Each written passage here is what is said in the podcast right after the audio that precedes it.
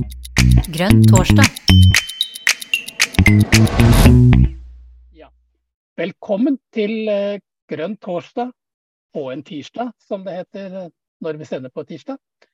Eh, I dag har vi fått besøk av utvalget for ja, hva heter det egentlig? Bærekraft i kommuner, eller noe lignende. Det, det kan dere få presentere sjøl. Nasrin Naimi, som er utvalgsleder, og Lars Matter Mediås skal dra oss gjennom en eh, god del, eh, eller noen få slider om eh, det de har å fortelle. Og det er fritt frem, har de fortalt meg, å stille spørsmål underveis. Og det gjør man enkelt ved raise hand-funksjonen. Og så vil jeg gi ordet til de som løfter hånden. Og da Naim, eller ja, Naimi, Nasrin heter hun. Her roter jeg fælt. Da Nasrin, det, kan du få lov til å presentere dere, mens Lars Martin gjør, gjør klar presentasjonen som dere skal kjøre igjennom. Og så er det som sagt bare å kjøre på med spørsmål underveis for dere andre. Vær så god. Tusen takk, Anders. Det er veldig gøy å være med her. Når jeg var helt ny i partiet, så så jeg veldig mye på Grønn torsdag, og brukte det som en slags kompetansebase, som det faktisk er. Og det er veldig stas å, å være med. Ja, jeg heter da som sagt Nasrin Naimi, og jeg leder utvalg for et bærekraftig og rettferdig forbruk. Utvalget ble nedsatt i desember 2021, og så har vi vært operative fra januar 2022, så snart et år. Formålet til utvalget er at vi skal drive politikkutforming, skape debatt, nettverk og samarbeid, og at vi skal skape debatten både eksternt og internt. Eh, og siden oppstarten så har vi valgt å sette søkelys på offentlig forbruk eh, som et veldig viktig nøkkeltema for å få til den grønne omstillingen i samfunnet. Og vi har da jobbet med en resolusjon som vi fikk vedtatt i oktober, med tittelen 'Vi trenger en grønn omstilling i kommunesektoren'. Ehm, så utvalget jobber jo med eh, forbrukspolitiske spørsmål, men denne resolusjonen eh, jobber konkret med, da, ehm, med omstilling i kommunesektoren. Så den er veldig relevant for programarbeidet som skjer i kommunen akkurat nå, opp mot fylkestings- og lokalvalget 2023.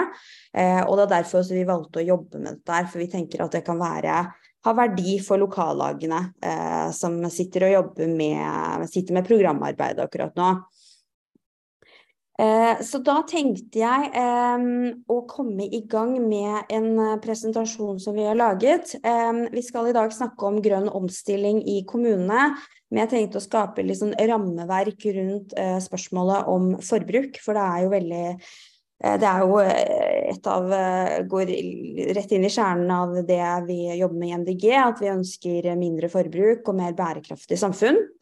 Så først skal jeg si litt sånn generelt om forbruk og grønn omstilling. Så da kan vi gå videre i, i slidesen. Ja. Vi vet jo at, uh, at, Norge er i verdenstoppen når det gjelder uh, privat forbruk. Og at dagens forbruksnivå er mer enn kun et klima- og miljøproblem. Og uh, handler om mye mer enn CO2-utslipp. det er en skjev fordeling av ressurser som skjer både på et lokalt, nasjonalt og globalt nivå. Eh, og vi er, eh, i MDG så er vi opptatt av å redusere det materielle overforbruket i eh, samfunnet. Vi har valgt tatt et strategisk valg om å sette søkelys på strukturene og helheten som rammer inn det private forbruket. Både insentivene som gis til næringslivet gjennom skatte- og avgiftspolitikken, og hvordan offentlig sektor og kommunene kan være med og vise vei i den grønne omstillingen. Eh, og vi tror da at det vil bidra til å skape trygge rammer, eh, der man kan ha gode liv, levende lokalsamfunn, eh, og skape innovasjon som underbygges av den grønne omstillingen. Um, et, en, en, annen grunn til at vi også har valgt å, å, jobbe mye med offentlig forbruk, er at når man, når man, ser på litteraturen, så ser man at det er lite effektivt med moraliserende formaninger om redusert forbruk eller på den andre siden en naiv teknologioptimisme Og den gylne middelveien er å finne nye måter å organisere forbruket på. Eh, og der har det offentlige eh, en veldig viktig rolle. Da det underbygger Eller da, da, de formelle strukturene underbygger og setter premissene for forbruket i resten av samfunnet. Og da skal jeg si litt om det offentlige forbruket. Da kan vi gå videre i presentasjonen. Ja, det offentlige sitter i en nøkkelposisjon. Både som samfunnets største arbeidsgiver, største forbruker og premissetter for eh, andre. En gjennomsnittlig nordmann slipper ut 11 tonn CO2 i løpet av året. Eh, og for å nå klimamålene i Parisavtalen, så må hver og en av oss slippe ut mindre enn 2,5 tonn CO2 eh, hvert år innen 2030. Så det betyr om selv om vi skulle hatt en eh, drastisk reduksjon i det private forbruket, så ville vi fortsatt ikke vært i mål, da det offentlige står for en så stor andel av klimafotavtrykket for hver og en av oss. Og vi vet at en tredjedel, rundt 36 av eh, klimafotavtrykket, skjer i offentlig sektor, og som følge av investeringer. Og det betyr da utslippene fra statlige og kommunale tjenester som f.eks. barnehager, skole, utdanning, helsetjenester, forsvar, veier og infrastruktur og mer. Um, og offentlig sektor um, Det er viktig at de går frem som et godt eksempel, både som tilrettelegger, um, rolleskaper og også som en miljø- og klimabevisst eh, sektor. Det betyr at ved å ta en slik lederrolle eh, og fremme omstillingen, så har man også et handlingsrom til å ta en risiko for å fremme og ta i bruk nye eh, miljø- og klimavennlige løsninger, som f.eks. næringslivet ikke har mulighet til å ta. Eh, og man har også en større påvirkning når det gjelder å tilby tjenester som påvirker atferden i befolkningen.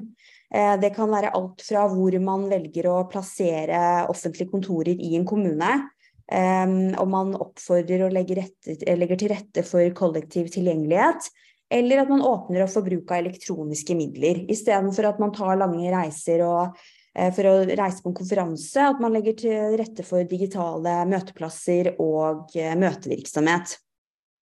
Eh, og vi vet at eh, staten kjøper inn varer og tjenester for om lag 600 eh, milliarder årlig.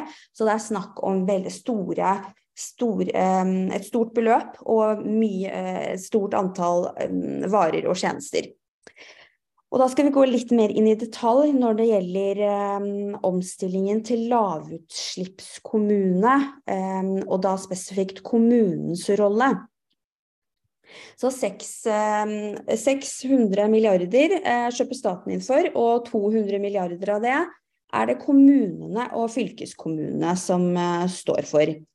Og kommunene har potensial til å ha en veldig viktig rolle i å bidra til utslippsreduksjoner, spesielt innenfor vei- og sjøtransport, anleggsmaskiner, avfallshåndtering, med karbonfangst og -lagring, og også ikke-kvotepliktig sektor innen 2030. Og så kan kommunen også bidra til utslippskutt innenfor avfall og deponi, jordbruk, matproduksjon og oppvarming. Um, kommunene har en rekke ulike virkemidler, men handlingsrommet har, det er et handlingsrom der som kan utnyttes i mye større grad enn det gjøres i dag.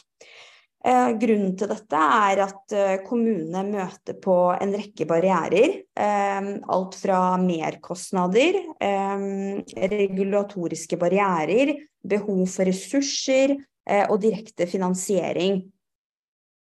Og det som er spørsmålet da, er hva er det kommunene trenger for å kunne omstille seg til en lavutslippskommune. Og da har vi noen anbefalinger som er eh, Det er ikke en, eh, en fullstendig liste, men gir en slags pekepinn på hva det er behov for. Kommunene har um, må bli gitt en tydelig rolle i klimapolitikken. Og det gjelder både forventningene eh, som stilles, og de verktøyene som de har behov for. Og så er det behov for økt og til enkelt tilgjengelig økonomisk støtte når det gjelder støtte til omstilling og investeringer. F.eks. i MDGs alternative budsjett for, um, for neste år, så, så, foreslår man å øke støtten til Klimasats, som er en veldig viktig tilskuddsordning um, for, for, ulike tiltak som skal støtte den grønne omstillingen um, i kommunene. Uh, og så er det veldig viktig å tydeliggjøre og utvide det juridiske handlingsrommet, og spesielt da innenfor plan- og bygningsloven. Et annet viktig område er eh, offentlige anskaffelser. Der skal jeg si litt mer om det i detalj, for vi, eh, vi har vurdert dette til å være et veldig viktig område. Eh, at man sikrer etterlevelse og implementering av klimahensyn. Og så er det en anbefaling at man vurderer å innføre klarere krav til rapportering, Eh, og en eh, systematisk tilnærming eh, og integrering av klimahensyn i kommunens beslutningssystemer. Men veldig mange av disse anbefalingene her er knyttet til nasjonale føringer. Og det setter begrensninger på hvilke grep man kan bruke på kommunalt nivå for å akselerere den grønne omstillingen på både kommune- og fylkesnivå. Eh, og da eh, skal vi gå videre til å se på hvilke virkemidler som fins. Eh, og dette er eh, noen sentrale virkemidler som er knyttet til den rollen som, eh, som eh, kommunen har. og i denne samlingen her så skal vi egentlig vi skal snakke om programarbeidet, og senere så har vi en en, skal vi legge frem en liste med, med programpunkter. Eh, og dette her er da for å ramme det inn, for å vise både hvilken rolle kommunen har, men også hvilke virkemidler som finnes i, i lys av den rollen. Eh, nummer én, innkjøpsmakta. Eh, at man har et stort handlingsrom gjennom offentlige anskaffelser. Eh, at man kan skape strategisk etterspørsel eh, som kan bidra til eh, grønn innovasjon i lokalsamfunnet og i lokalt næringsliv og oppmuntre til eh, smarte løsninger. Eh, en annen viktig rolle er samfunnsplanlegging og arealplanleggingen. Eh, spesielt da etter plan- og bygningsloven, så er det, dette her et veldig viktig og langsiktig virkemiddel. Loven pålegger kommunene å ta klimahensyn, og den gir også virkemidler for å redusere klimagassutslipp. Det kan være bl.a. gjennom hvor man eh, konsentrerer utbygging i kommunen. Eh, at man setter restriksjoner på bilbruk og parkering. Tilrettelegging for kollektivtransporten, for myke trafikanter. At man har ladestasjoner i, på, på, kommunale plasser. Og, og, og ivareta karbonrike arealer, som f.eks. skog og myr. Eh, og så er det samfunnsutviklerrollen, eh, og da spesielt som en tilrettelegger. At man kan eh, legge til rette for medvirkningsprosesser og nettverk og samarbeid eh, mellom lokale aktører som ønsker å og skape nye løsninger for, eh, for deling, gjenbruk, ombruk. Eh, og at man, eh, og at, eller aktører som ønsker å drive med informasjons- og koordineringsarbeid. Og der har jo kommunen en veldig viktig rolle å legge til rette for det og skape møteplasser for disse aktørene. og det siste punktet er fysisk tilrettelegging. Eh, og det gjelder med helt sånn konkrete steg at, eh, at um, innbyggere og næringsliv kan ta klimavennlige valg i hverdagen sin. Eh, det gjelder da spesielt innenfor transport. Um, hvordan man velger å, um, å, drifte gang- og sykkelveier. Eh, parkeringspolitikk, bompenger eh, og tilrettelegging av f.eks. lademuligheter. Så det er overordnet både hvilke muligheter som finnes, og den rollen som som eh, kommunen har.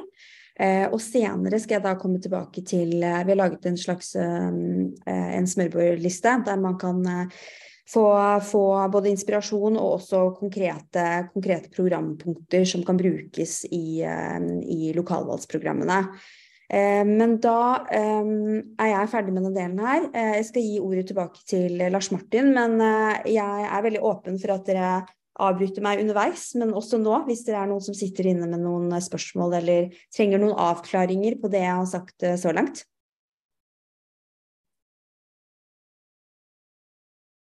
Det ser ikke sånn ut, så da lar vi Lars Martin fortsette, vi. Takk, takk. Eh, da skal jeg også snakke litt om, om forbruk. og eh, To nøkkelord som jeg eh, starter med, det er eh, rettferdig fordeling og det er dette med livskvalitet. Vet ikke om mange av dere som er med her har vært innom Facebook-gruppa til Mimmer med, som heter noe sånt som Jul for vanlige folk. Det er en del folk i Norge som jo ikke har eh, veldig god råd. Vi kan ikke bare si at hvis alle kutter i forbruket sitt, så, så er vi på en måte der. Og det er også veldig mange som er bekymra for Eh, hva slags livskvalitet får man hvis man skal redusere forbruket? Er ikke det å, å ha et godt liv si, å, å, bruke og ha et høyt forbruk og kunne kjøpe det man, eh, det man vil? Eh, I privatøkonomien så har jo bærekraftig forbruk at du ikke bruker mer enn du tjener, og i hvert fall klarer å betjene det lånet du har med inntektene som, som kommer. an sagt. Og på et litt mer globalt nivå så er det jo egentlig litt det samme. Man må ikke bruke mer ressurser enn det, enn det vi har. Og nå er det som kalles for Earth Overshoot Day, når, vi, når samfunnet som helhet på jorden har brukt opp det naturen lager i løpet av året, den, dat den datoen burde jo vært nyttårsaften, at vi er helt i balanse. Men den var vel nå i år den 26. juli. Vi trenger nesten to år. Naturen trenger to år på å produsere alt vi forbruker på ett år. Eh, så et mål her må jo være at den kommer tilbake igjen til nyttårsaften, og kanskje enda mer at vi til, kan bygge opp igjen litt, eh, litt natur. For vi vet jo at man kommer til å gå tom for olje. Det er snakk om at man eh, kan gå tom for såkalt sjeldne mineraler. Eh, og da løsningen på denne potensielle ressursmangelen kan jo ikke være å bare fortsette som før. Og så er det greit å ta et lite skritt tilbake, for det, det MDG altså det vi vil med politikken vår. Vi vil jo ha et mer inkluderende samfunn. Man skal ha bedre tid både til barn og familie og venner. Man skal kunne ha kulturopplevelser, naturopplevelser. Vi ønsker et demokratisk engasjement, at folk er med i folkestyret og partier og organisasjoner, og, og frivilligheten. Um, og uh, det å da få til et bærekraftig forbruk, det er jo da noe vi, vi må få til i, i fellesskap. Um, fordi det å få det til, det påvirker egentlig alle delene av hvordan vi, eh, hvordan vi lever hverdagen vår. Det er hvordan vi bor, hvordan varmer vi opp huset, hvor mye plass har vi, hvor mye energi tar det, hvordan kommer vi oss til jobb, er det bil eller sykkel eller gange, hvor holdbare er klærne vi bruker, hvordan, hva skjer med dem etter at de er ferdig brukt, sagt. Eh, hvor mye CO2 eh, produseres eh, eller slippes ut pga. matproduksjon, hvor mye areal går tapt, hvor mye myr bygger man ned for å lage veier. Tar vi ferier i Thailand eller i nabokommunen osv. Eh, og da eh, liksom, I stedet for at vi, vi, selv hver og en av oss skal prøve liksom, å tenke eh, og, ta de riktige valgene hele tiden, det vil bli veldig slitsomt. Så har vi da tatt dels eh, tenke på det offentlige, som Nasrin var inne på, det offentliges innkjøpsmakt og mulighet til å rette tilrettelegge. Eh, og at vi må planlegge samfunnet bedre. Og så er det viktig å huske eh, at vi skal liksom tilbake til 1960-tallet. Hvis vi bare er tilbake igjen til sånn som det var for noen tiår siden, så er det greit. For da slapp man jo også ut mye olje og gass og kull. Man bygget ned myrer eh, og videre. Eh, og det er jo noen grunner til at det heter det grønne skiftet. Det heter jo ikke den grønne reduksjonen eller grønne tilbakegangen. eller sånt, og Vi skal over til noe som er ganske nytt. Og det er litt skummelt for mange. Det er en, på mange måter en stor endring, eh, og folk veit ikke helt hva den betyr. Eh, og som jeg var inne på, så er jo levestandard sånn standardrefleksjon på det. det er hvor mye har du råd til å bruke på varer og tjenester. Har du telttur i Nordmarka som er alternativ, eller er det storbyferie i, i, Asia som er sommerferien? Og hvor mye kan du fortelle om når du kommer hjem fra ferien? At levestandarden er Eh, hvilke behov du kan tilfredsstille. Eh, og da er det to aspekter her. Det ene er at vi ønsker jo genuint et litt mindre materielt fokus. Eh, at istedenfor bare at hva du kjøper er det som skal være viktig, så er jo da er det helt andre ting som egentlig gir tilfredshet med tilværelsen. Altså Har du et dårlig forhold til dine nærmeste, så hjelper det ikke at du har lov til å kjøpe en Tesla til. Hvis jobben er kjip, så hjelper det heller ikke. Eh, så man må trives på jobben, ha det gøy i fritiden, ha krefter til både fysisk og psykisk utfold, som. At man har god eh, helse. Og hvis man ikke har det, at man får den hjelpen man, eh, man trenger. Og det blir ikke noe bedre livskvalitet av at det er masse matsvinn, at man må sitte i lange bilkøer, at det er mye unødig emballasje på alt man kjøper i butikken, at det er vanskelig å vite hvordan du skal resirkulere den. Eh, så her er det veldig mye vi må ta fatt på i, i fellesskap. Så nå må jeg gjøre en liten sånn teknisk vanskelig øvelse. Nå skal jeg ta eh, en slide videre. og Da ble jeg muta når vi testa på dette. Jeg kommer straks til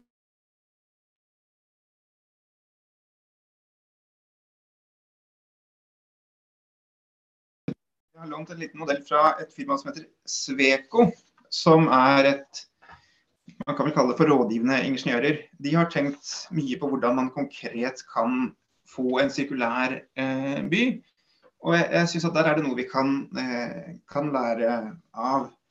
Eh, det første de snakker om er mindset. Eh, at man faktisk da deler byen, enten det er skolehager og parsellager eller det er eh, elsykler man deler på og videre. Eh, at denne omstillingen har et sosialt aspekt. Da, som man må eh, finne løsninger i, i, fellesskap for å få det til. Og en, forhåpentligvis kan en sirkulær livsstil, dette at man går fra å være en si, forbruker til å være en gjenbruker, at det eh, er en livsstil som gir mer rom for fellesskap, og at man har mer kontakt med, eh, med venner og familie og naboer. Et annet nøkkelbegrep der, det er, på engelsk er det 'resilience'. Eh, praktisk eksempel er da hvis det når, når, det regner. Det regner jo oftere og kraftigere med global oppvarming. Så eh, vet vi jo mange, mange ganger så blir jo dette oversvømmelser ned i kjelleren til folk. Flomvann overalt, store materielle skader videre. Hvis man i stedet for å åpnet opp bekkene, plantet gress, sånn at dette regnvannet kan tas opp av naturen istedenfor å havne i kjelleren til folk, så er det jo opplagt eh, at dette er mye billigere. Og, eh, og, det gir bedre livskvalitet underveis. At du kan eh, kanskje bade i denne bekken. Eh, trærne og gresset renser lufta. Det ser pent ut, eh, og videre. Men det som er en krevende eh, rolle å opprette, er at altså, Track, trace and connect kalles det. Eh, for at f.eks. byggebransjen skal kunne gjenbruke materialene, så må det være systemer for det. Eh, hva skjer med et bygg som er revet? Hvor havner byggematerialene? Hvordan får man gjort dem klart til gjenbruk? Hvordan kan man kjøpe det og videre? Her finnes det bl.a. norske eh, firmaer nå husker jeg ikke hva det står, hva det heter, men det står jo på sliden som dere ser. men her er det veldig mange løsninger som må på plass. Og igjen så er dette eh, et, ikke noe vi kan ta ansvar for helt alene. Dette må vi gjøre i, i fellesskap. Dette dreier seg veldig mye om offentlig politikk, lover, reguleringer. I Oslo har de f.eks. hatt stor suksess med å subsidiere piggdekk, sånn at folk kan sykle hele året. Noen blir jo sure, fordi eh, hvem er det som har råd til å kjøpe seg så fancy sykler at den kan fungere hele året og videre? Er det bare øvre middelklasse? Men eh, det er et tiltak som funker og er, er billig. Det, er, det, er mye, det, er mye billigere å ha litt uh, subsidier til piggdekk uh, enn å bygge ny E18 helt ut til, uh, til Asker og Sandvika for at folk skal komme seg på, på jobb om vinteren. Så det som er en måte, en, som jeg runder av med før Nasrin tar oss inn i mer konkrete punkter igjen, er å huske på at dette er jo egentlig av systemtenkning. EU har noen konsepter med smarte og klimanøytrale byer. og Det skal være 100 byer i hele EU-området. Noen av de vil forhåpentligvis bli norske. Eh, vi får altså sirkulære byer, vi har smarte byer, men bruker teknologi på en måte vi ikke gjør det i, i dag. Eh, de har jo da en European Green Deal, eh, og de lager mye også politikk for bærekraftig forbruk. Altså et krav til at ting skal være gjenvinnbare, at emballasjer skal standardiseres osv. En del av dette eh, er også nasjonalstaten, uten at vi skal gå inn i denne debatten, men nasjonalstaten er nok litt for liten for å sette ordentlig press på de store selskapene. Så vi ser at e mye av det EU har gjort, har fungert veldig bra. og Eh, vi, må, vi kan uansett standpunkt i denne saken være enige om at uansett hvor flinke vi er, og hvor dårlig samvittighet vi har hver og en av oss, så må vi samarbeide så mange som mulig, og også på globalt nivå, for å få løst disse problemene. For å få et både rettferdig og bærekraftig forbruk.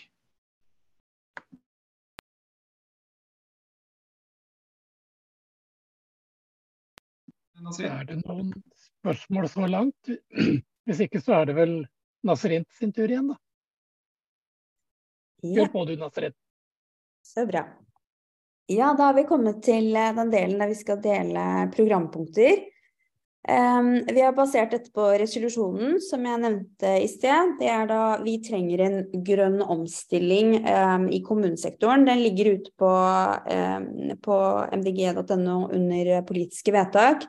Men jeg kan gjerne sende den denne presentasjonen i etterkant hvis det er noen som ønsker det. så det er bare å, å sende meg en mail, så, så fikser jeg det. Um, tenkte litt å si litt om, uh, om hva vi har valgt, um, hva vi har anbefalt og hva vi har valgt å fokusere på, både i resolusjonen, men også i disse punktene. Um, det er Vi har lagt veldig stor vekt på innkjøpskompetanse, sirkulærøkonomi og klima- og miljøkraft og bærekraftig mat og transport. Um, og dette er jo knyttet til um, det som Lars Martin nevnte, i forhold til at man, man ønsker systemendringer. Um, og at man, uh, tenk, at, man, at man ser et potensial uh, der kommunen er en, en viktig innkjøper. Men også at de kan legge til rette for forbruks, forbruksendringer blant innbyggerne ved at man tilgjengeliggjør f.eks. Uh, uh, delingssystemer uh, i kommunen, og at det blir uh, normalisert. Um, vi kan starte med den første. Det er innkjøpskompetanse. Um, det er det viktigste grepet, spesielt på, på kommunalt nivå, der man uavhengig av de nasjonale føringene så har man, eh, har man en veldig stort handlingsrom. Eh, hvis man benytter eh, Hvis man, eh, la oss si, får vedtatt en grønn anskaffelsesstrategi, eh, og at man bruker det handlingsrommet som finnes i anskaffelsesregelverket eh, for å stille både miljøkrav, og at man bruker innkjøpsmakten. både til å etterspørre klima- og miljøvennlige varer og tjenester, men også at man bidrar til å stimulere til innovasjon og det lokale næringslivet. her Vi kan ta og se på, på disse eksemplene. Her er jeg bare skrevet X, og hvis man ønsker å bruke disse her, så kan man kopiere og skrive inn um, um, navnet på den kommunen man, um, som man tilhører. Eh, at man eh, innfører en grønn anskaffelsesstrategi for å omstille kommunens drift i en mer bærekraftig retning. At man eh, fokuserer både på egenvirksomhet og lokalsamfunn. Og også tar høyde for både direkte og indirekte utslipp.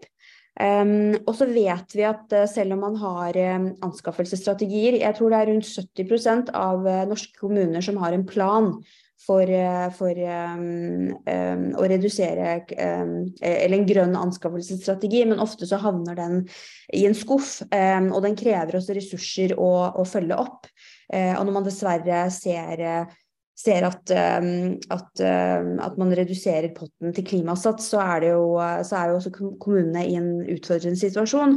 Men at man prøver å man prøver å følge det opp med punkt nummer to, etablere klimaregnskap og klimabudsjett som styringsverktøy for å nå målet om klimanøytral drift i kommunens drift eh, og virksomheter. Så det gir en noe å måle opp etter, så man ser om det går den rette vei eller den gale veien, eh, og noe man da kan forholde seg aktivt til.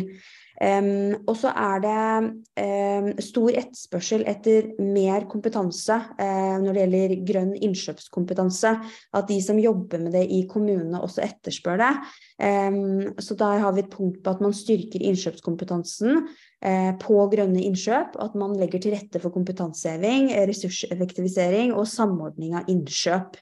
og dette det er jo, knytt, det er jo kost, merkostnader knyttet til dette her, og er igjen um, avhengig av de nasjonale føringene. Um, når vi i resolusjonen så hadde vi punkt på økonomiske konsekvenser, at man bør innføre en statlig plan um, for å heve grønn innkjøpskompetanse med øremerkede midler. Um, og det er jo avhengig av hvem som, hvem som styrer landet. Men uh, vi tenker jo at uh, her er det, finnes det også et handlingsrom at man uh, på lokalt nivå har et slags fokus på å bygge opp den kompetansen. Og det finnes veldig mye på DFØ. Det er kanskje ikke så veldig tilgjengelig, men det finnes muligheter hvis en, hvis en leter etter det. Men igjen, det vil jo det vil koste noe, men eh, når man ser på erfaringer fra andre land, f.eks. Danmark, så ser man at de som har eh, har helhetlige innkjøpsavtaler. De, når man ser på langsiktig perspektiv, så klarer de også å spare inn eh, en del ved at de, en, at de, har en, slik plan. Så det, langsiktig så kan man spare inn midler, men i oppstartsperioden så vil jo dette medføre kostnader for kommunen. Ja. Så tenker jeg at vi kan gå videre til slide nummer to, som går på klima- og miljøkrav for å sikre en bærekraftig og sirkulær økonomi. Um, ja, og kommunale føringer er en viktig driver for sirkulær økonomi på lokalt plan. Også en, en, stor grad nøkkelen for å kunne lykkes. Um, og der finnes det også potensial for at uh, hvis kommunen jobber aktivt med dette, så kan, man, uh, så kan man bidra til å skape flere arbeidsplasser, økt verdiskapning og betydelige klima- og miljøgevinster. Så her har vi, har, har vi foreslått at uh, kommunen og kommunale virksomheter skal bedre sin ressurseffektivitet med hensyn til miljø, og at uh, man skal unngå å anskaffe varer og tjenester um, som gir utslipp av miljøgifter i fremstillingen. Og man kan jo tilpasse ambisjonsnivået um, ut ifra hvor langt kommunen uh, har kommet. Så man kan jo gjøre dette mer ambisiøst eller mindre ambisiøst hvis man tenker at, at man har større mulighet for å få gjennomslag. Eh, og så er det eh, punkt nummer to, som er ganske viktig, eh, at kommunale innkjøp skal bidra til god sirkulærøkonomi. Eh, og da vil jeg spesielt eh, rette oppmerksomheten mot at man, at man, gjør strategiske vurderinger om nye innkjøp er nødvendig. Eh, at man etterspør gjenvunnet en gjenvinnbart materiale, ombruk, reparasjon, oppgradering. Og det er også knyttet til punkt tre, at man kan vurdere rammeavtale på levering av brukte møbler f.eks., eller har noen rammeavtale på reparasjonstjenester, som igjen er knyttet til dette med lokale arbeidsplasser og økt verdiskapning. Eh, og her er det jo veldig mye informasjon på en gang, så dere må bare avbryte underveis hvis, dere, hvis det er noe som er uklart. Eh, ellers så går vi videre til, eh, til neste slide. Um, og der er det mer på, på sirkulærøkonomi.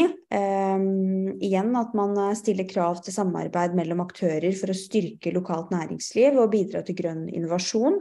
Um, at man kan etablere krav om miljøsertifiseringer ved innkjøp av tekstiler, varer og utstyr. Um, og som jeg nevnte i stad, at man innfører rammeavtaler uh, for kommunale innkjøp. Uh, at man kontraktsfester at man har krav til reparasjon, gjenvinning uh, av både materialene og komponenter. Og, og, kjøper inn varer som har levetidsmerking når det er snakk om forbruksvarer. Um, og det man også um, annen, En annen mulighet er at når man handler fra Ofte så er det kan det oppstå, eh, så er det liksom uklart i forhold, i forhold, til regelverket om man da kan um, handle fra små eller mellomstore lokale bedrifter uh, uten å komme i konflikt med regelverket for offentlige anskaffelser. Uh, og da har det kommet en fersk rapport, uh, rapport fra Oslo Economics som er utarbeidet på oppdrag fra distriktssenteret Um, som viser at det er, at det er mulig, um, at det er mulig uh, uten å komme i konflikt med regelverket, å prioritere små og mellomstore lokale bedrifter. Og det kan man gjøre på ulike måter, f.eks. å dele opp bestillinger. Um, eller at man setter noen krav om hvor uh, hvor eierne i selskapet skal eh, befinne seg. Så det finnes muligheter for å få det til uten å, uten å bryte regelverket for offentlige anskaffelser. Um, jeg har også lagt til en lenke til den, til den, rapporten hvis det er noen som er interessert i den og har lyst til å lese den i, um, i litt mer detalj. Um, neste punkt, det er da uh, grønne reiser og mat i bærekraftige um, kommuner. Um, et viktig tiltak her er at man, at man, innfører tiltak for å forebygge og redusere matsvinnet. og dette er også da knyttet til innkjøpsrutiner, uh, og at man oppfordrer til ombruk av mats, uh, matsvinn. Um, og igjen så står det eh, på punkt to at man legger, legger til rette for å kjøpe lokalprodusert mat. Og det kan man igjen gjøre, som jeg nevnte i sted, ved å, å dele opp bestillinger, og at man setter, krav om, eh, setter ulike krav, um, slik at man kan prioritere lokale bedrifter. Um, og som også vil føre til at man, at, man, har fokus på dyrevelferd og redusert bruk av antibiotika og sesongbasert frukt og grønt, uh, som er enklere å få til når man handler lokalt. Um, og når man ser på punkt tre, så kan man kanskje tenke at det er lite ambisiøst hvis man sammenligner det med f.eks. Oslo. Uh, her står det jo at man skal legge til rette for at det skal være et bærekraftig og plantebasert tilbud når det serveres mat i kommunale arrangementer og virksomheter. Så det er jo mindre ambisiøst at det er standarden. Men her tenker vi at dette er Eh, dette punktet kan bli sett på som et uh, mal eller utkast, og så tilpasser man det uh, ut ifra det som passer kommunen, og det som man tenker at man har uh, at man har mulighet for å få gjennomslag for. For her, Man har jo også et litt langsiktig perspektiv, at man skal introdusere ulike tiltak for å, for å få til forbruksendringer over tid, og også matvaner, som vi vet tar litt tid, og også kan skape litt sånn motstand i, blant eh, i, spesielt i, uh, utenfor de store byene. Så her kan man tilpasse um, ut ifra det som passer dere best. Um, og så er det et siste punkt på at, man, at kommunen øker takten i utfasingen av fossile vei, uh, kjøretøy og arbeids- og anleggsmaskiner. Um, og dette er jo igjen knyttet til økonomi eh, og også hvor eh, modenhetsgrad til kommunen. Men at man øker takten er jo relativt fleksibelt, og så kan man tilpasse det i forhold til hvor langt man har kommet i det arbeidet. Eh, og da kan vi gå videre til siste slide med programpunkter. Og det er da lavere utslipp innenfor bygg- og anleggsbransjen. Um, punkt én uh, handler om å prioritere bærekraft og klimahensyn i anbudsprosesser. Um, og um, at, det, at, det, prioriteres, og at det vektlegges på lik linje med pris i konkurransegrunnlaget. Uh, og der har vi uh, På punkt to så er det et ganske ambisiøst ambisiøst programpunkt at man stiller krav om fossilfri bygg- og anleggsvirksomhet og 95% avfallssortering i bygg- og anleggsprosjekter, eh, både kommunale og private. Men dette er ofte en bransje som er veldig ambisiøse og også har etterspurt Um, enda mer ambisiøse mål fra politikerne. Så her er det så vi tenker at det er et, uh, et, realistisk uh, nivå å legge seg på. Men igjen, dette kan man jo selvsagt uh, tilpasse og se på hvordan tallene ser ut for kommunen deres akkurat nå. Og så er det tredje punkt at man innfører krav om klimaregnskap og livssyklusanalyser for alle nye kommunale og bygg- og anleggsprosjekter.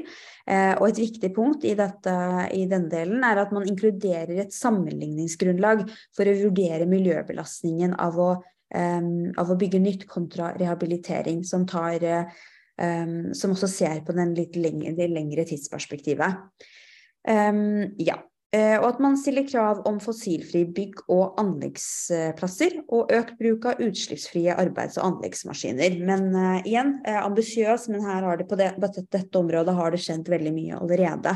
Så um, vi anser det som til, for å være et realistisk mål, men igjen, man kan tilpasse. Um, og så Da går jeg til den siste sliden min, som er hvorfor er lavutslippskommunen viktig? Um, det er jo det vi har snakket om i kveld. Uh, men uh, jeg vil si på et uh, overordnet nivå så er jo at all politikk er lokal, og endringer starter ofte der folk bor. både når det gjelder forbruksendringer, men også hvordan vi hvordan vi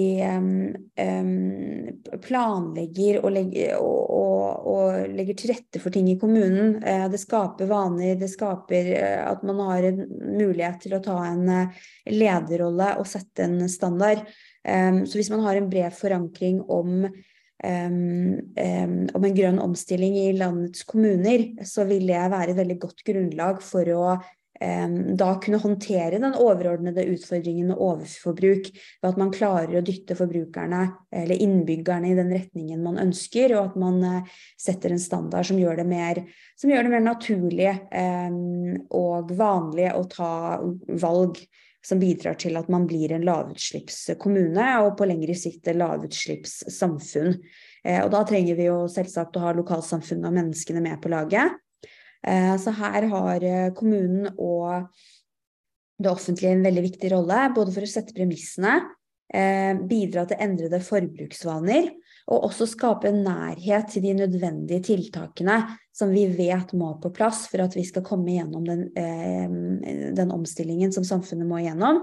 Og da tenker vi at kommunen er er eh, nærmest der folk bor, og at de har en veldig viktig lederrolle og er en veldig viktig premissleverandør. Um, ja, så det var det um, vi hadde av presentasjon. Men eh, vi kan jo åpne opp for spørsmål og debatt hvis det er noen som sitter inne med noe de ønsker å diskutere. Yeah. Tusen takk. Tusen takk skal dere ha. Da er det folkens bare å rekke opp hånda med raise hand. Og mens dere tenker på hva dere skal spørre om, så kan jeg jo eh, ja, Jeg har brukt det eksempelet før, så noen har kanskje hørt det, men eh, det spiller ingen rolle. Eh, det handler om eh, det med å legge til rette for plantebasert mat eh, i, i, offentlig sammenheng. Eh, en gang i tiden, ikke så mange år siden, da, eh, så satt jeg eh, i, i nærheten av bydelsutvalget i Frogner bydel i Oslo. Og for de som kjenner Frogner bydel i Oslo, så er den ganske høyrestyrt. De hadde da riktignok mista flertallet sitt, eh, men allikevel. Det, de, de, de var høyre. Vi foreslo at det skulle legges til rette for et uh, vegetaralternativ i alle uh, kantiner og der man serverte uh, mat i forbydelen. Og Høyre hadde jo egentlig ikke noe alternativ. De måtte gå, på, gå med på det, fordi vi sa det sånn at dere er jo for valgfrihet, og her er det og det å kunne velge. Så mm. det, gjelder, det er sånn hint og tips, liksom. Det gjelder å bruke de argumentene som kommer hjem, eh, som når fram det, hos eh, de, de, du prater med. Ja, det virka, og vi fikk gjennom. Mm. kan ta et litt annet eksempel også på eh, Det er ikke så håper å si, eh, som man kan få gjennom på så kort sikt, sagt, som å få servert bedre og mer bærekraftig mat i kantina. Men navnet på utvalget er på en måte litt selvmotsigende. For forbruk er jo ikke bærekraftig. Det er det jo gjenbruk som er, å bruke varene lengst mulig.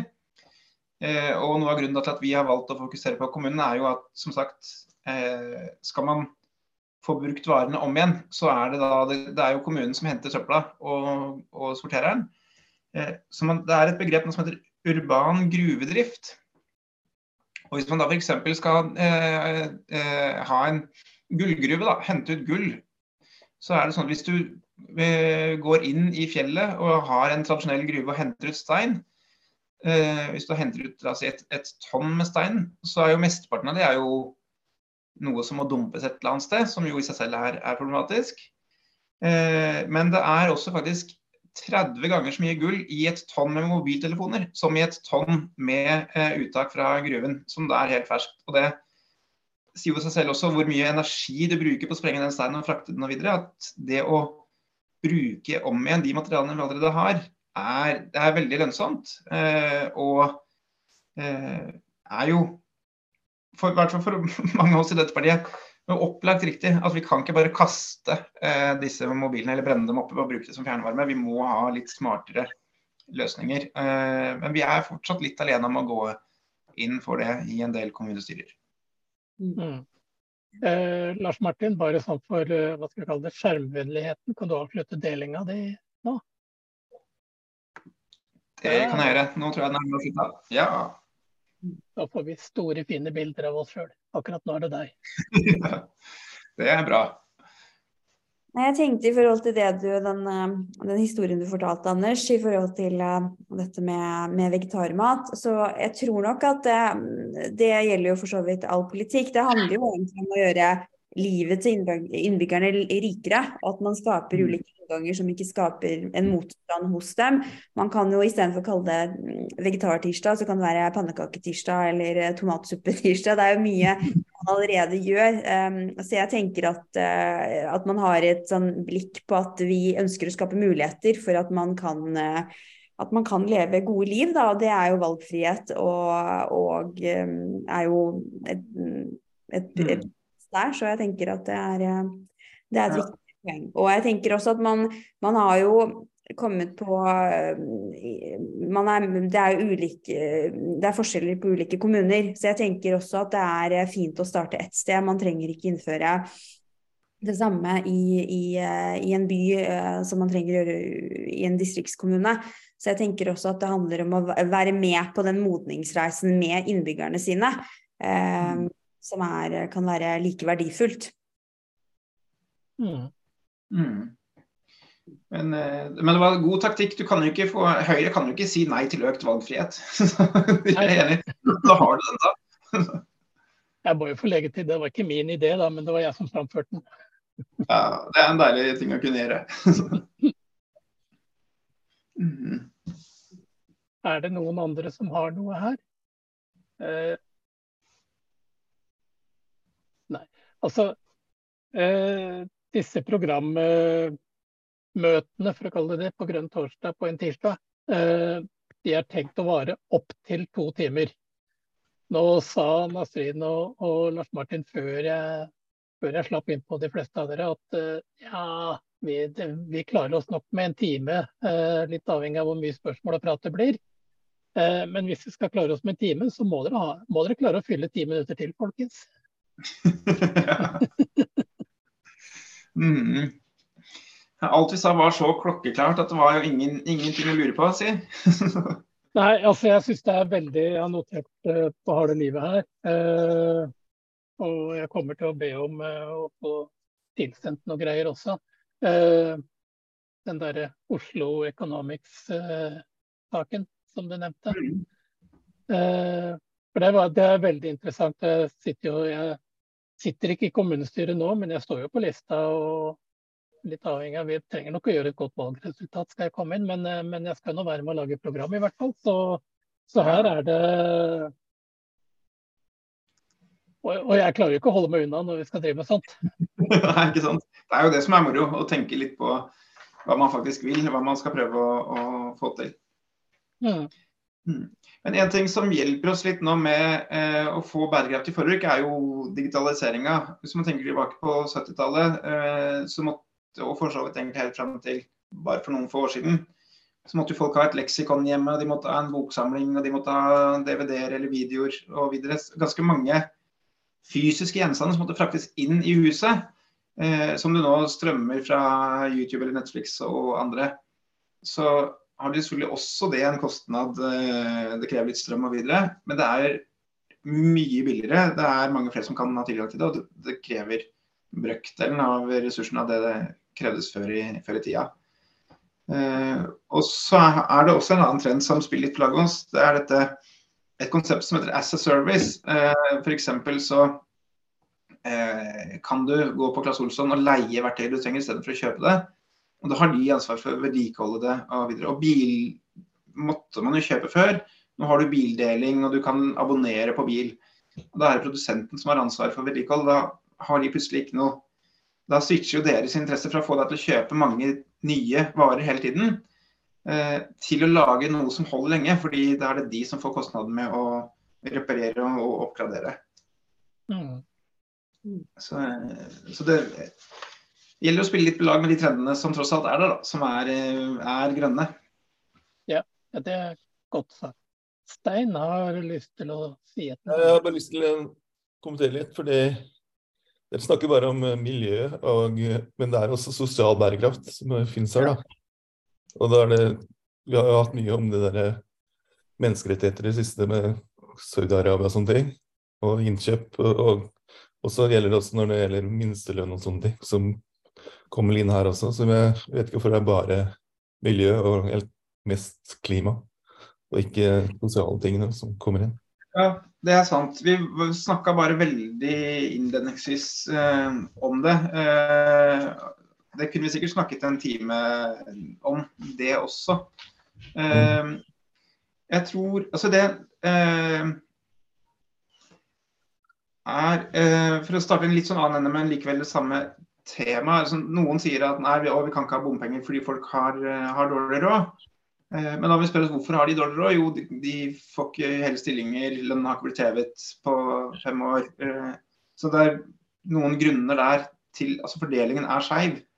Så vi må klare å få en rettferdig fordeling uten at vi øker forbruket og, og har for mye ressurser. Men, eller at man bruker opp for mange ressurser. Men det har jo, altså Med de gule vestene f.eks. i Frankrike andre så ser man jo at folk protesterer mot omstillingen fordi det blir sosialt skeivt. Eh, og Det er lett å parodiere en MDG som sier at vi trenger ikke dra på ferie til Thailand, vi kan jo bare låne tantes landsted på Tjøme. Hva er problemet, liksom? Og så framstår man, og er man, helt virkelighetsfjern. Så, så, det er også noe av grunnen til at vi har ja, unngått, prøvd å unngå moraliseringen med å snakke litt om hva, hva kommunene kan, kan gjøre.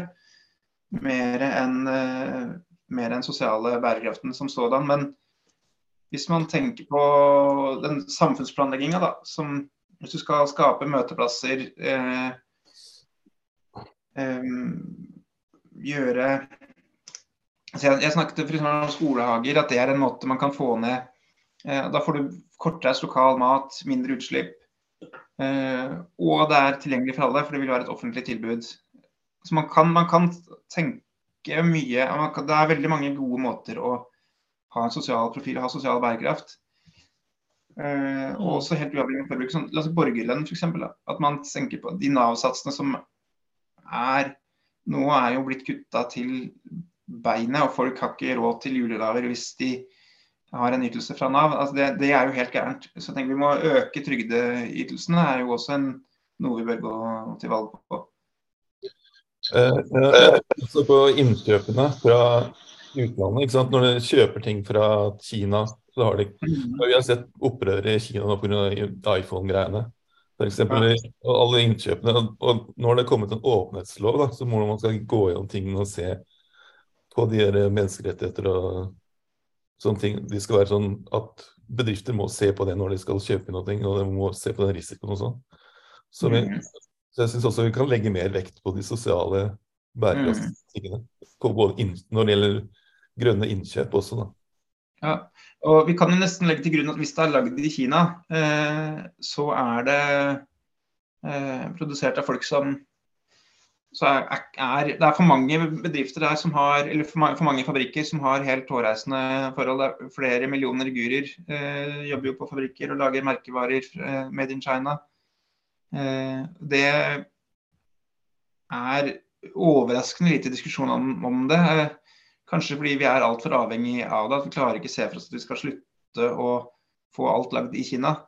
Men, eh, men, det er vi på en måte nødt til. Vi må ha litt alternativer med, med det litt kortreiste og på sin 3D-printa istedenfor masseprodusert, kanskje. Som finner måter å lage ting på selv her hjemme og sørge for at folk, at de som lager det, har gode arbeidsvilkår. Yep. Nasrin har lyst til å legge til noe, tror jeg? Jeg skulle bare legge til um, i forhold til det vi snakket om nå. Det var et veldig godt poeng. Um, dette her er jo, Fokuset her er jo lavutslippskommune og innkjøp. Vi har ett punkt som går på at uh, kommunens anskaffelser og innkjøp skal vise til leverandører med dokumentert respekt for grunnleggende menneskerettigheter, anstendige arbeids- og lønnsforhold og gjennomsiktige eierskapsstrukturer. Så det er på en måte prøvd å ha litt fokus på det der, men det er jo noe vi generelt har jobbet med i utvalget. eh, gjennom ulike innganger, f.eks. når vi har vært borti bærekraftig bistand, og også hvordan man skal bidra til eh, fattigdomsbekjempelse, men samtidig da eh, knyttet dette med produksjon, men samtidig den avveiningen at eh, det er kanskje folk som jobber på de fabrikkene som ikke har det bra, men samtidig så er det deres eneste inntekt. Hvordan skal man eh, f.eks. bruke den 1 prosenten med klimabistand som MDG ønsker til å få til sosial bærekraft der. Så det er noe vi er veldig opptatt av, og også det vi har tenkt til å mm, jobbe videre med opp mot i 2023, 2023 så blir det litt mer fokus på, på, på det. Men eh, ja, i denne omgang så var det utslippene vi var mest opptatt av. Så det ble litt mindre fokus på det. Men eh, når det blir stortingsvalg, så kan vi f.eks. snakke mer om arveavgift. MDG er jo et av altfor få partier som går inn for det. Eh, og det er partier også på venstresiden som har hyllet Thomas Piketty og snakket om at arv skaper store forskjeller, strukturelle forskjeller, og vi må redusere dem. Og likevel så skal man ikke ha noen arveavgift, f.eks. Det er det går ikke på forbruk, da, men det går jo på hvordan man fordeler eh, har en rettferdig fordeling i, i, samfunnet. Så det henger alt, alt, henger sammen med alt, som en person sa en gang i tiden. At vi, mm. eh, vi kan ikke eh, vi, vi, vi, kan ikke bare tenke at eh, folk skal slutte å altså, MDGs budskap kan ikke bare være at vi sløser masse, folk må bruke mindre.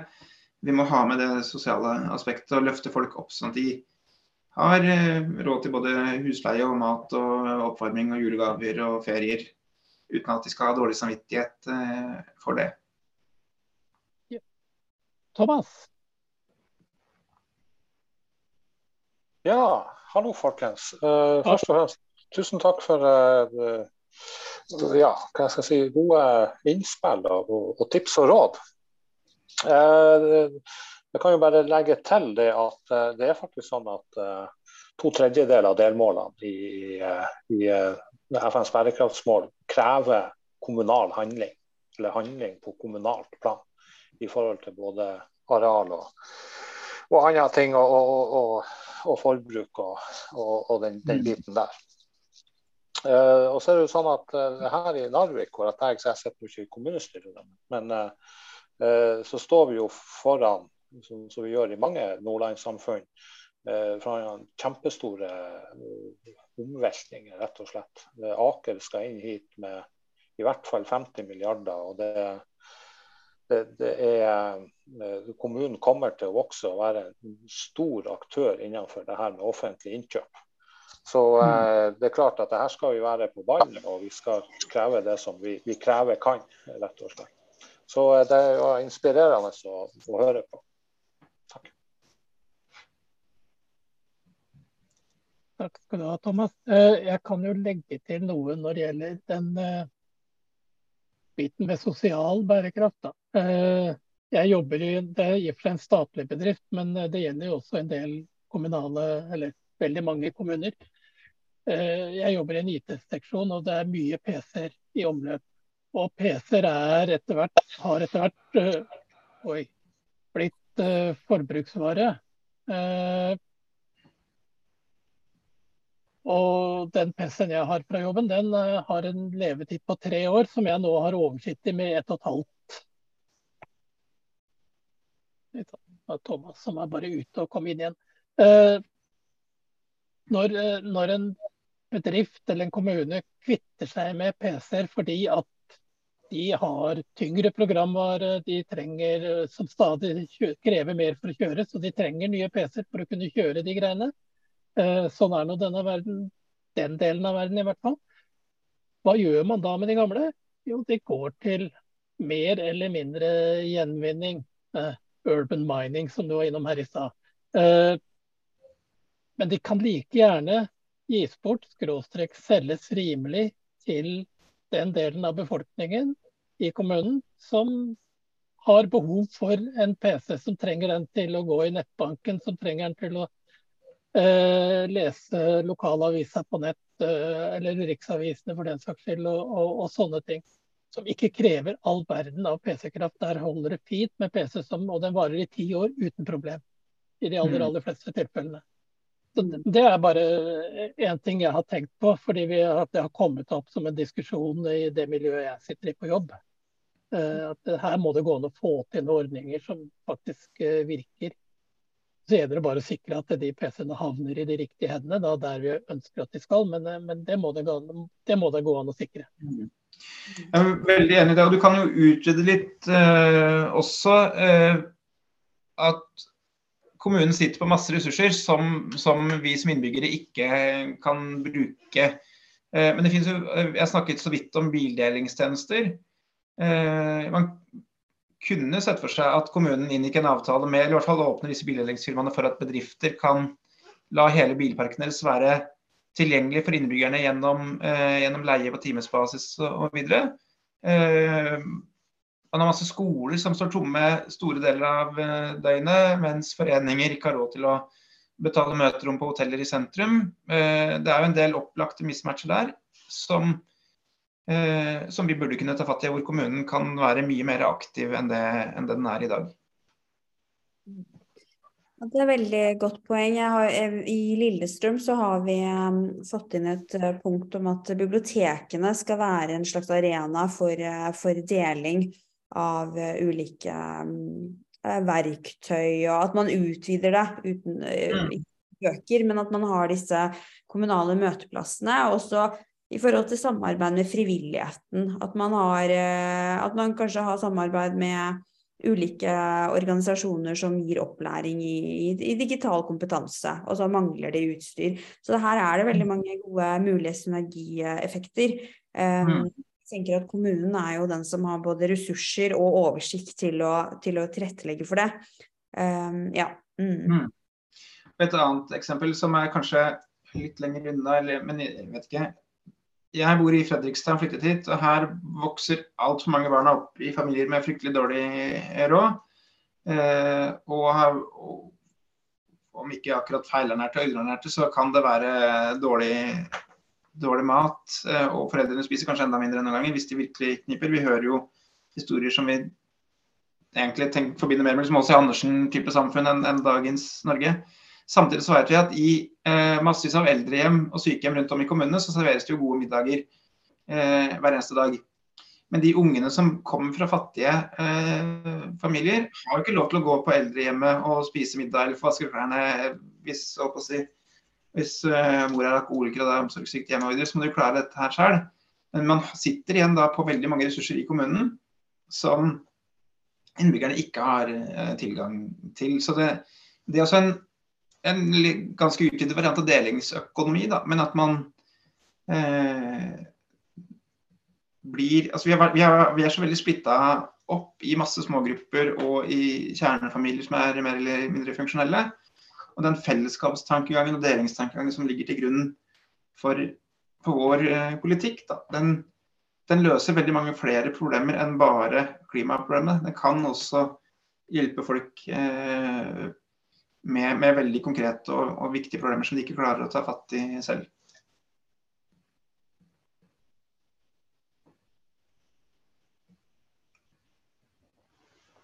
Er det noe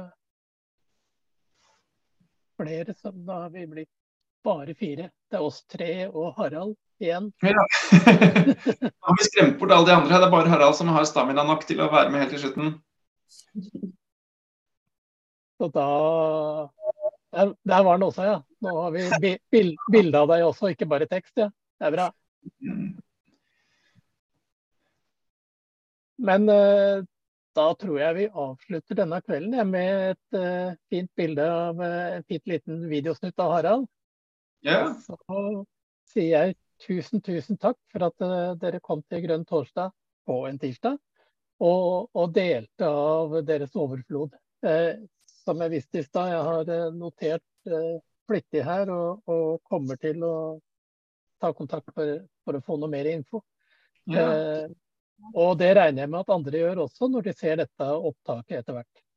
Det er bare å ta kontakt, enten å sende mail til oss eller inn til MDG og videre. Så det legges kanskje ut kontaktinfo på disse grønntorsdag.no. Hvordan får folk tak i slidene våre f.eks. hvis de vil det? det en... Nei, De må nok kontakte dere er vel det enkleste. Men eh, hvis en av dere har en e-postadresse som dere tør å dele så offentlig, så, så kan man gjøre det. Men ellers så er dere får tak i oss via Grønn torsdag, i hvert fall. Ja. Eh, eller det, bare det, navnene våre, så finner man både e-post og mobil, telefonnummer og alt mulig. Det tenker jeg er Ja. har en relativt enkel eh, e-post som er nasrin.mdg.no. Så det er bare å sende e-post hvis man eh, ønsker tilgang til eh, slidesene eller noe annen informasjon. Um, og tusen takk for at vi, vi fikk være med. Det har vært en veldig hyggelig kveld. Og um, veldig stas å være med. Ja, det vil jeg absolutt si også. Tusen takk for invitasjonen. Det har vært veldig, veldig gøy for oss. Og det er jo noe med det om at, eh, å skulle presentere hva man holder på med. Eh, har, det har vært veldig nyttig for oss, i tillegg til at det har vært veldig spennende og gøy å være med her. Så jeg må si tusen takk for at vi fikk være med. mm. Da gjenstår det bare for meg å minne om at Grønn torsdag er tilbake på torsdag neste gang, om to dager. Og da er det Eva Jolie som skal få lov til å om sine tanker rundt demokrati, åpenhet, og helt sikkert litt innom eh, korrupsjon, som hun har også drevet med. Så vel møtt igjen om et par dager. Ha det bra. Ha det bra.